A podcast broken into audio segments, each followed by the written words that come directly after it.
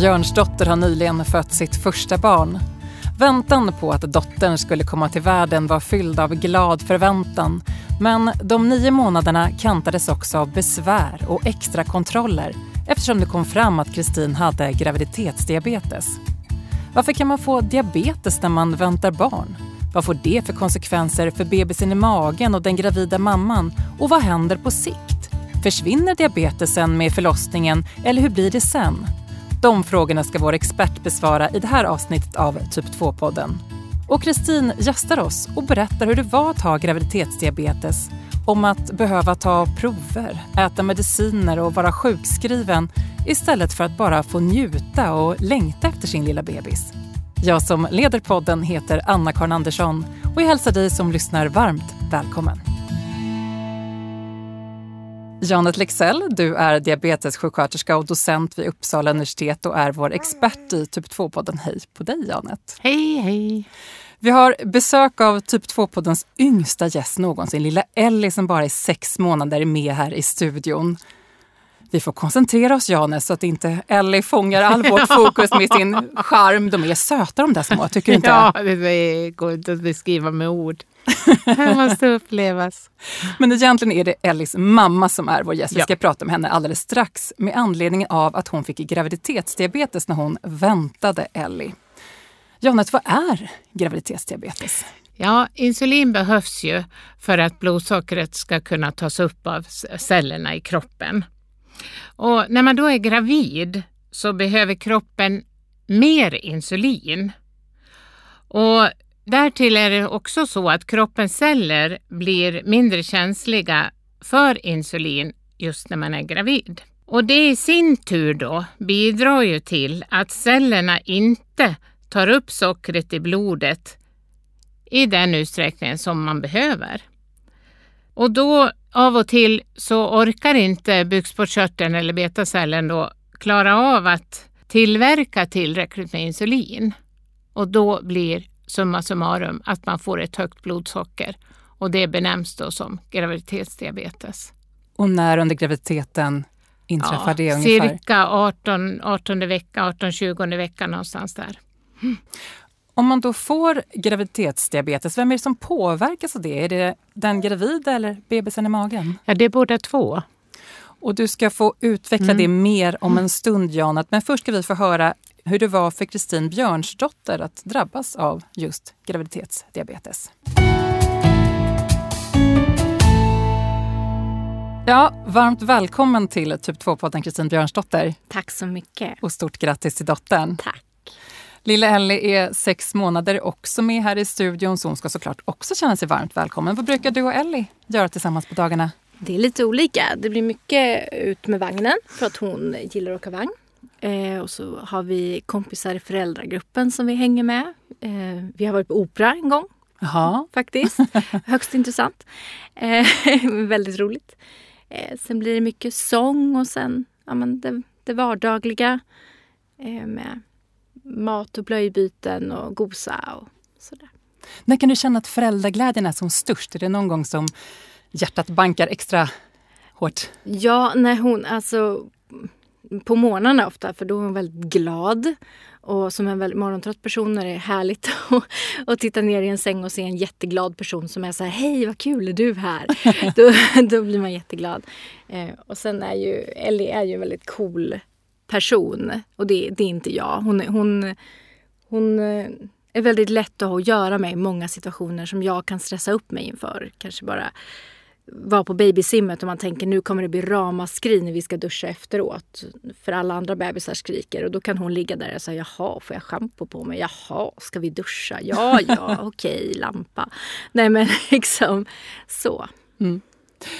Om vi backar lite i, i tiden, Kristin. Eh, hur reagerade du och din man Thomas, som är pappa till barnet, på graviditetsbesked? Vad var det för mm. känsla när ni fick veta att ni mm. skulle få barn? Jag tror först blir man nog lite chockad. Så här, Oj, gick det? Eh, och eh, sen blev vi ju väldigt, väldigt glada. Jag mådde inte så super i början av graviditeten så det var väl de känslor som dominerade. Men det är ju så otroligt, hon är ju så otroligt efterlängtad så det var ja, väldigt härligt. Ungefär i mitten av graviditeten fick du veta att du hade graviditetsdiabetes. Mm. Vad ledde fram till den diagnosen? Eh, det var att i början av eh, graviditeten, då, eller första kollen hos barnmorskan, så får man ju uppge vad man har för ärftliga sjukdomar.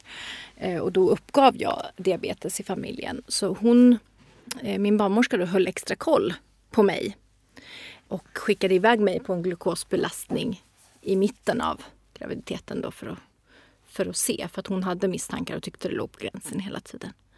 När de mm. kollade värdena. Och den kontrollen visade att du klassades eh, som en patient som har graviditetsdiabetes. Mm. Hur reagerade du mm. på det? Jag blev jättefrustrerad. Jag tyckte det var jättejobbigt. Och framför allt därför att jag, jag kände att det var så mycket annat ändå. Man, man kan ju, det, det, är ju mycket när man är gravid. Så jag blev frustrerad och sen så var det just att jag låg och gränsade hela tiden.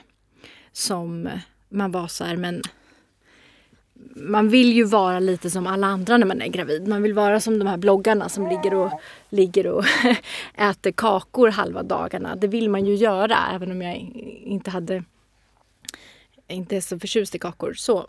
Men man vill ju liksom slippa släppa det. Så mm. jag tyckte det var jättejobbigt. Eh, du har diabetes i din närhet. Mm. Eh, både din syster och din pappa har typ 2-diabetes. Vad, vad har de i din familj gett dig för bild av sjukdomen? Speciellt att det är en sjukdom som kräver väldigt mycket eh, på ens livsstil. Att man, att man måste tänka mycket på vad man äter och, och sådär. Det är väl det stora, att vilket engagemang man måste ha i sin sjukdom. Att det verkligen är en sjukdom som kan springa iväg ifall, ifall man inte mår bra. Att det kan hända riktigt allvarliga saker med kroppen. Vad innebar det för dig då att ha graviditetsdiabetes? På vilket sätt gjorde det skillnad för dig de här sista månaderna under vänta barntiden? Framförallt var det att jag var fruktansvärt trött. Eh, och att jag var väldigt stressad av det faktum att jag var fick ta, jag tog ju värden fem gånger om dagen. Jag började även äta Metformin och på slutet eh, insulin. Det hade jag. Eh, så det var de praktiska och sen att man eh, då fick också gå på väldigt mycket extra ultraljud för Ellis skull. Jag tror vi gick, vi gick på minst två, tror tre. Eh, så det var ju klart medförd, vad kommer hända med barnet? Eh, kiddet som vi kallar henne då. Ehm, Ehm, och hur kommer hon må? Och kommer hon växa sig för stor? Så. Så det var ja, men oro och stress och även mycket praktiskt som skulle göras med värdetagningar. Och sådär. Mm. Som sagt, det blev inte som, som bloggarna, de gravida bloggarna Nej. som ligger på soffan och bara Jag var väldigt njuter. bitter på bloggarna på soffan kan jag säga. Eh, du gick hos eh, specialistmödravården som det kallas. Vad kände du inför de besöken? Det var, det var skönt när jag kom till specialistmödravården. För att där var det ju som att dels fick jag träffa läkare, vilket jag inte hade gjort tidigare. Så jag blev ju sjukskriven i princip omgående. Och sen så kände jag mig väldigt tagen på allvar där också. Att, att eh, även om, om jag försökte liksom tala ner vissa symptom så var de väldigt duktiga på att plocka upp. Men du, nu mår du inte riktigt bra. Nu tar vi lite mer sjukskrivning här. Ehm, så det tyckte jag var positivt. Och det som var, det som var svårt var ju att jag fick gå parallellt hos min vanliga barnmorska och specialistmödravården och ha kontakt med diabetesmottagningen. Så jag sprang ju liksom om, omkring på diverse mottagningar och visste knappt varför jag var där ibland. Och ibland visste folk inte varför jag hade kommit dit heller. För att det var så många kockar. Och du blev också sjukskriven under dina sista månader ja. under graviditeten. Ja. Eh, du sa att du kände en oro såklart för hur Ellie mådde mm. i magen. Vad visade provtagningarna? Hur mådde alltså, hon? Alltså, hon mådde ju kanon. Ja, hon var cool redan då. Hon var cool redan då. Vi började kalla henne A-barnet för att hon följde alltid alla kurvor. Allting var alltid normalt. Och eh, det var liksom aldrig några konstigheter kring henne.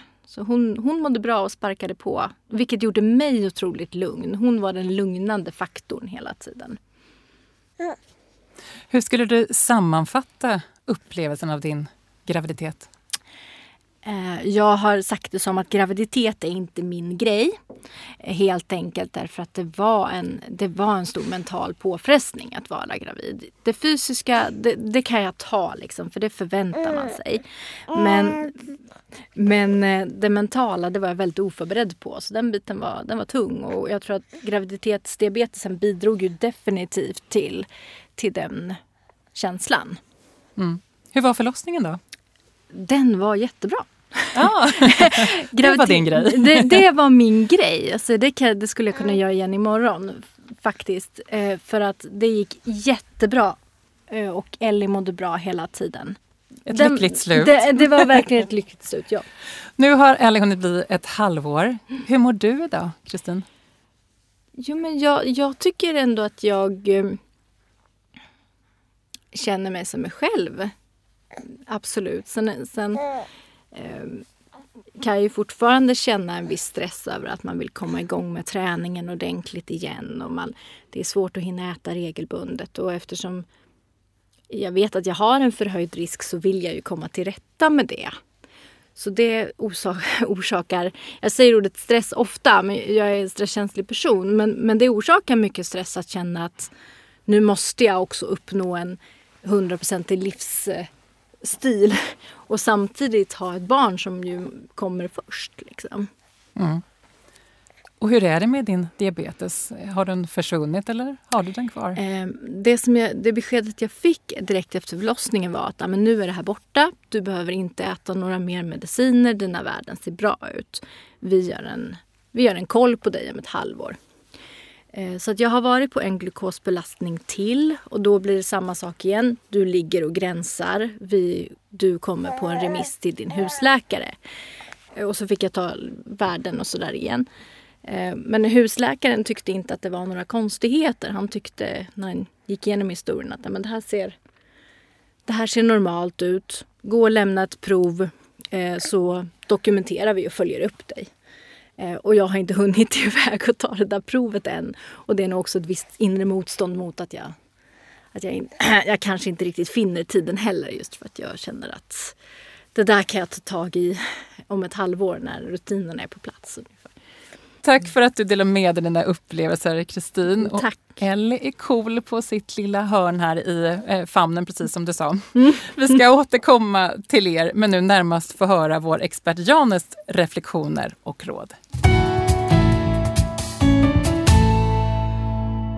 Ja, Janet, vad är det för tankar som har snurrat i ditt huvud nu när du hört Kristin berätta? Ja, eh, jag tycker du beskrev det väldigt bra hur det kan upplevas. Och du, du, den upplevelsen och erfarenheten delar du med många. Och ibland så brukar man erbjuda lite grupputbildning för personer som är i din situation. Så kan man liksom bilda något litet nätverk som kan stötta varandra. För man vet inte hur det är om man mm. inte är i den situationen. Tufft, absolut. Hur vanligt är det att som Kristin drabbas av graviditetsdiabetes när man väntar barn? Ja, eh, det är en väldigt bra fråga. Eh, och, eh, det man vet då det är att det ligger mellan 1 och 3 procent i Sverige. Eh, tidigare när man bestämde sig för vad man skulle ha för eh, värde när man diagnostiserade graviditetsdiabetes så var det svårt att säga. Vissa landsdelar hade 8 och andra hade 5,1 som det är idag. Då. Så mm. olika gränsdragningar ja, helt olika, enkelt för ja, vilka som ska mm, få diagnosen. Mm. mm. Kan man säga något om vilka som ligger i riskzonen för att få det? Ja, det kan man göra absolut. Och det beskrev ju du på ett väldigt bra sätt. Din pappa hade diabetes, alltså det finns en ärftlighet helt enkelt, en ärftlig komponent. Och sen är det ju också det att man går ju upp i vikt när man är gravid och om man går upp lite för mycket så kan det också vara en, en riskfaktor i det hela. Du inledde Janet med att säga att det kan inverka både på den gravida mamman och på fostret eh, vid graviditetsdiabetes. På vilket sätt? Ja, alltså det man vet erfarenhetsmässigt och det man vet i studier, det skiljer sig åt. Därför att när man går in och tittar på studier så beror det ju på vilket värde man utgår ifrån när man tittar på komplikationer hos både mamman och barnet. Men det vi vet nu då ifrån Sverige erfarenhetsmässigt så är det ju en ökad risk för modern att få det här havandeskapsförgiftningen i slutet. Och för barnet så innebär ju det att den kan växa väldigt i vikt, bli väldigt stort barn. Och det kan ju i sin tur innebära då att man vid förlossningen kan få fraktur, eller inte fraktur, men det blir skada på ena skulderbladen som gör att armen kan bli lite förlamad sen på barnet. Eh, Kristin gick hos eh, specialistmödravård som mm. det kallas. Vad vill man från vårdens sida ha kontroll på hos de som har graviditetsdiabetes? Vad är det man undersöker? Ja, det är ju framförallt blodsockret. Sen är det ju blodtryck. Och sen tittar man ju, idag tittar man också på hur mycket mammorna har gått upp i vikt. Och sen om vederbörande läcker äggvita i urinen då. Det är också väldigt viktigt. Och man kan också ta eh, lipider, alltså fett i blodet. Man mäter fett i blodet. Då. Mm. Du brukar säga Janet att typ 2-diabetes är en livslång sjukdom. Hur är det egentligen med graviditetsdiabetes? Blir man av med den när barnet är fött och man inte längre är gravid? Eller vad gäller? Ja, många blir av med den när, man är, när barnet är fött, absolut. Men det är ju också så att man har då en ökad risk för att längre fram i livet få typ 2-diabetes. Och eh, därför bör man gå en gång per år och kolla det hos primärvården. Här tycker jag också att det är ett problem därför att det diffar mellan primärvården och specialistmödravården. Det kommer som aldrig någon rapport så man vet inte vilka kvinnor som vi bör kolla då eh, lite extra. Mm. Det som du är inne på, mm. Eh, Jan, stämmer ju in eh, på bilden eh, för Kristins del. Hon har inte fått något definitivt besked om hur det är med hennes värden och diabetesläget och så. Vad, vad ska Kristin vara observant och tänka på, tycker du, Janet? Ja, alltså börjar hon helt plötsligt känna sig väldigt törstig och dricka mycket vatten och kissa mycket så ska, hon, då ska det ringa en klocka i hjärnan på henne i alla fall. Och också om hon blir väldigt trött nu är man ju trött när man har fått barn, men det, det är den här annorlunda tröttheten. Man kan bara sitta och somna liksom. Och trots att man sover så känner man sig ändå inte utvilad. Ungefär så skulle jag förklara det. Mm. Mm. Att eh, både Kristins eh, syster och pappa har typ 2-diabetes, påverkar det Kristins odds på något sätt?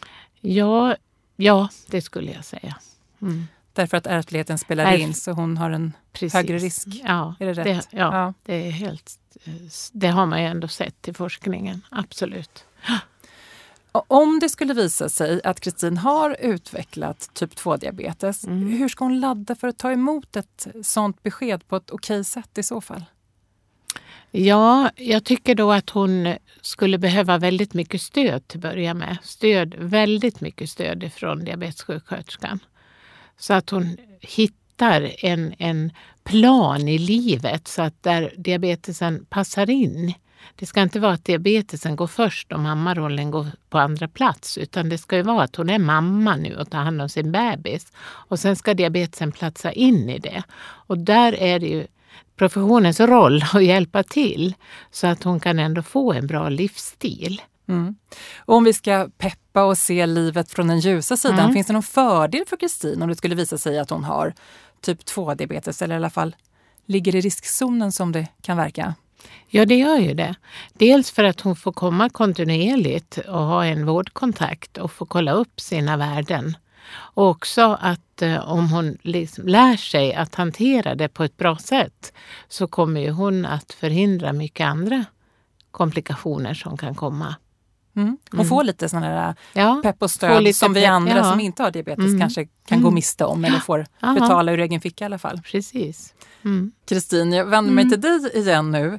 Vad tänker du kring det här? Hur skulle du reagera om du fick veta att du har typ 2-diabetes, tror du? Jag skulle nog inte bli så förvånad egentligen. För att jag vet att det är en förhöjd risk och att jag har det i familjen. Um, jag skulle nog reagera med frustration men sen misstänker jag att jag skulle nog gå över och bli ganska träningsfreaky och göra en klassiker eller någonting. alltså, eh, för att jag tycker träning är väldigt kul. Eh, så att jag, jag, tror att jag skulle nog mest bita tag i det och vara så här okej okay, nu ska jag hitta förutsättningarna för att det här ska fungera. Framför allt. Men jag, jag tycker det var väldigt liksom eh, härlig pepp också för det är mycket som man inte vet när man är i det här graviditetslandet mitt emellan sådär. Vad man kan få för hjälp och hur man kan jobba med det på ett bra sätt. Liksom. Och om vi tänker bort det här med diabetes ett tag. Eh, mm. vad ser du fram emot under din framtid som förälder? Är det något särskilt du längtar till att göra tillsammans med Ellie? Åka till Disneyland Paris. Det, det, det laddar jag ju för. Alla säger att det tyvärr ligger mer än fem år fram i tiden. Nej, men de här små sakerna framför allt. Eh, kanske fortsätta gå och bada varje söndag är ju jättemysigt. Och se henne prata och, och göra saker. Så mycket vardagsmys ser jag verkligen fram emot. Och Disneyland Paris. Mm. Janet, din dotter är ju 25 eh, vid det här laget. Eh, vad ska Kristin ta vara på när hon har ett sånt litet bylte som Ellie är nu? Ja, ta vara på varje dag, varje minut. Alltså det går så fort. Fast det, orkar, det tänker man inte mm. när man är i din situation just nu. Men det är ju precis som du säger, det är så fantastiskt mm. att följa utvecklingen. Det är helt magiskt. Stort tack för att du gästade oss och tid på podden Kristin Björnsdotter. Och tack även till lilla Ellie. Tack så mycket. Tack för att vi fick komma. Och tack till vår expert Janet Lexell. Själv heter jag Anna-Karin Andersson. Återstår bara att säga att Typ 2-podden Att leva med diabetes är en produktion från det forskande läkemedelsföretaget Böringer Ingelheim. Tack för nu och på återhörande.